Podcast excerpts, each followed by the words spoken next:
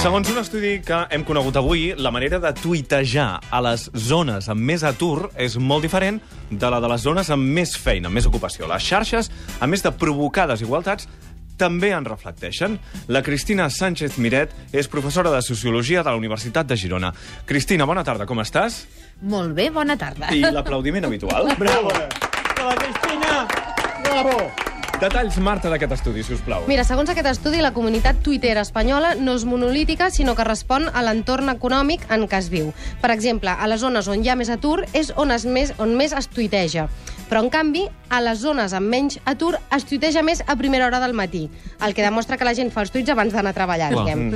I els tuits de les zones amb més atur tenen moltes més faltes d'ortografia i gramaticals. Què dius ara? Per la qual cosa, els autors d'aquest estudi defensen un cop més que com menys educació, més atur. I això es demostra, imagina't tu, a través de tuits. Les xarxes socials, Cristina, són una eina uh, per estudiar com són les societats, també. Sí, perquè són una eina que fem servir i, per tant, ha entrat, ha entrat a formar part dels nostres usos i costums.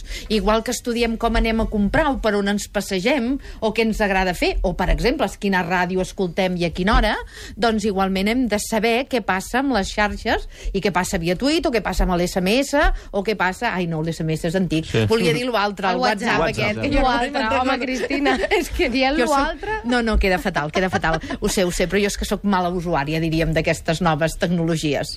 Els grans defensors del món global argumenten que si dones dispositius i connectivitat a les persones, la democràcia sorgirà inevitablement. Estic eh, pensant en la primavera àrab, per exemple, que s'explicava moltes vegades que les revoltes, abans de sortir al carrer, havien sortit a les xarxes socials.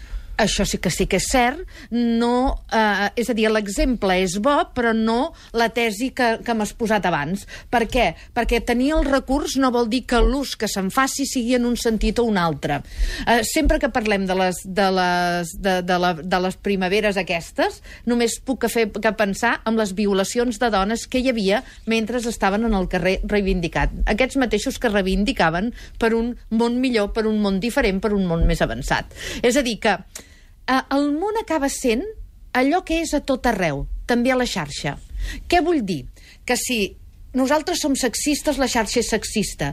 Que si, com deia la Marta ara, aquestes dades ens mostren eh, hi, ha, hi, ha, hi ha usos diferents segons el nivell educatiu de la gent, també hi ha usos diferents segons si estem a l'atur o no estem a l'atur. És a dir, reflecteix els comportaments no només dels individus, sinó dels diferents grups socials. Nosaltres, com a, com a individus, pertanyem a, a grups socials diferents. Jo sóc a la vegada, diríem, no només a un, eh? Jo sóc dona i no sóc home, sóc d'una classe social i no d'una altra, sóc jove o, i no sóc vella, o sóc vella i no sóc jove, i sóc de, nascuda en aquest país o sóc nascuda en un altre.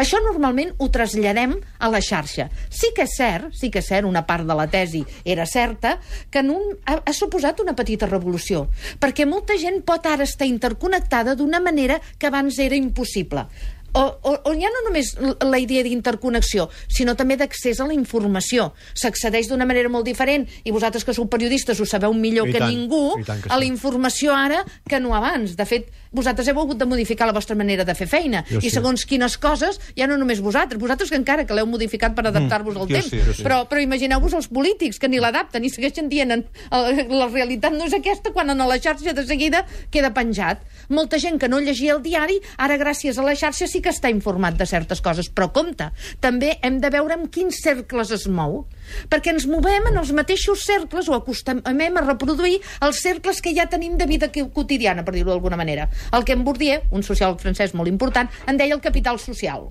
No me'n recordo. En aquesta taranyina global que són les xarxes socials, el flux d'informació es mou de manera horitzontal o de manera vertical? No l'he entès. Què vol dir Oh, dia, bona pregunta. Sí, va, bona Què vol dir? pregunta. És bona. Què vol dir això?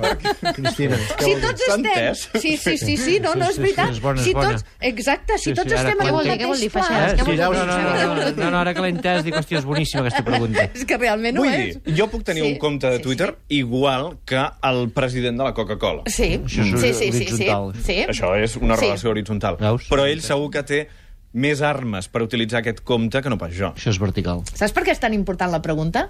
Perquè ens fa l'efecte que tots estem en igualtat de condicions a la xarxa. Ah. Però la veritat- A l'hora de la veritat, no. Al començament potser sí, mm. però la que els poderosos, per dir-ho d'alguna manera, aquest senyor de la Coca-Cola o el senyor d'una altra gran empresa, se'n va donar del poder que tenien determinades veus a la xarxa i això en moda ha estat claríssim. Sabeu aquests blogs que van sortir de moda? Sí. Mm. Aquests, aquestes famoses it girls, o no sé com es diuen, eh? perquè jo amb això poso, faig relliscada, i això que escolto el Marc Giró de tant en tant i aquestes coses, eh? però no, no m'hi aclareixo gaire. Però vull dir, saps això que deia? Noi, mira, ara ja la moda ja no passa pel que ens venen en els anuncis o el que diuen les empreses, perquè han sortit gent del carrer que ens recomana. Bueno, que, que aviat van començar a pagar- a pagar-li, pagar-li no de, de, No, no, no, de, de, calés, posar, de, calés, de ja, calés, calés. eh, vull dir, uh, i a recomanar per, mitjançant regals o el que sigui aquesta gent, digues que això que jo trec és bo o digues que no sé què, no sé quantos. Ai, ja m'enteneu, eh? Ara Sí, no sí. sé què, no sé quantos, perquè Sí, estem a sí, divendres, sí, eh? sí, ja sí, sí. ja m'he deixat anar, no? Però m'enteneu la idea. I a sobre això és molt pervers, perquè seguim pensant, o molta part del públic, d'aquests que, que, que, que s'hi connecten o es tuitegen, es pensen que és una relació de tu a tu i a darrere torna a haver-hi una gran marca sense saber-ho. Mentida, mentida. Mm. Eh? Uh, S'ha parlat molt del concepte de la bretxa digital. Uh, Sí. De si mm, la, les noves tecnologies augmentaven encara més les desigualtats entre països rics i països pobres o dins d'un mateix país entre mm, persones riques i persones pobres. Eh, Es confirma que aquesta bretxa, exi bretxa existeix? Podem confirmar-ho, això? Sí, sí, sí. Tenim bretxes per tot arreu. Tenim per tot arreu. Eh? I no us parlo ara de les castor aquestes, eh? O sigui, socialment... Que també. Ja, que, Que també. aquestes també que les aquesta, tenim. I aquesta s'ha fet profunda. Però, que, em, fixeu-vos, que, de què parlem quan parlem de bretxa? Parlem de desigualtat. Eh? Li hem posat aquesta etiqueta perquè, mira, és una manera ara nova. Sempre, la paraula desigualtat sempre l'estem des- dissimulant, mm. perquè ens fa nosa. Mm. Eh? És, és allò com antipàtica, perquè partim de la idea de que tots som iguals i ens agrada més pensar que tots som iguals i que les coses van bé i com que van tan malament, doncs hi, hi posem la paraula bretxa. Bretxa què vol dir? Vol dir gap, vol dir forat, cap ho diuen els anglesos, eh? vol dir forat, vol dir una esquerda com una catedral. Eh, què, què són aquestes esquerdes? És la idea de que tothom no accedeix de la mateixa manera. Hem de tenir present, amb el que tu ens dius, que va haver-hi un abans i un després dels telèfons mòbils d'aquests de nova generació. Quan parlàvem de la bretxa digital i ho fèiem quan només hi havia ordinadors, o els telèfons no podien fer tot això de connectar-nos a internet i totes aquestes coses, doncs era més grossa. Cert és que ara, en certa manera, ha disminuït perquè telèfons mòbils, jo no sé, vosaltres deveu tenir les dades, jo no les tinc, però és esparverant, eh? El, el nombre de telèfons mòbils que hi ha. A Espanya, a més a més, si no recordo malament, és un dels, dels llocs en què més n'hi han d'aquests de 3G o 4G, o ja no sé per on anem, sí. és a dir, aquests que permeten Sí, aquesta alta sí. connectivitat, i per tant, Sí, això... sí, en el moment de la implantació dels telèfons in intel·ligents es va dir que aquest estat Eh, era- era, uh, un dels capdavanters mundials. Exacte, exacte. Un, un dels llocs on va penetrar més ràpidament la, la tecnologia dels telèfons intel·ligents. Exacte, penseu-vos, estem a dalt de tot en pobresa, però alhora estem a dalt de tot, o, o si més no, molt ben situats, entre cometes, en aquest tipus de productes.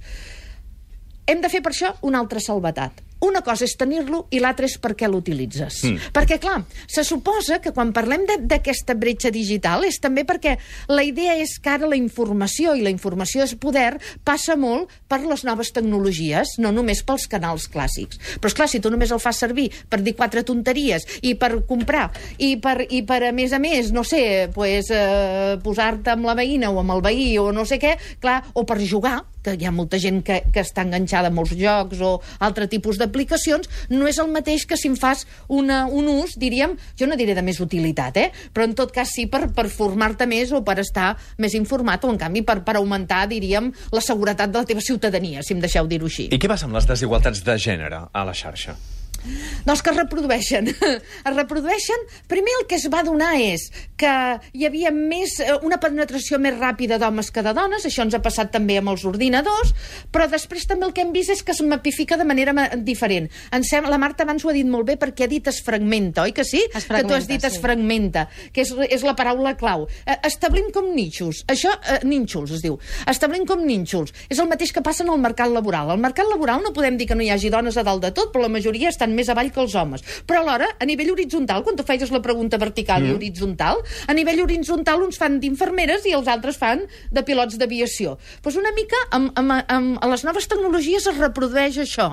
Hi ha encara una característica de gènere, però és normal. Normal en el sentit, no dic que sigui desitjable, eh? dic que el que fa és reproduir com vivim i vivim, eh, vivim en, en una certa manera igual, però alhora ens diferenciem quan- per, sexe, per ser de sexe diferent, perquè la nostra societat ens tracta diferent i perquè, a més a més, tenim, eh, per dir-ho d'alguna manera, àmbits o capelletes guardades per uns i per altres. I això es reprodueix a la xarxa. Cristina Sánchez Miret, moltíssimes gràcies. Ja està? De res. Sí. Ah, haver escoltat una hora. Sí, jo Bona sempre, tarda. sempre, però mira, el temps és limitat. Que vagi bé, fins una altra, fins la setmana que ve. Gràcies. Adéu-siau. Adéu-siau. Adéu, Cristina.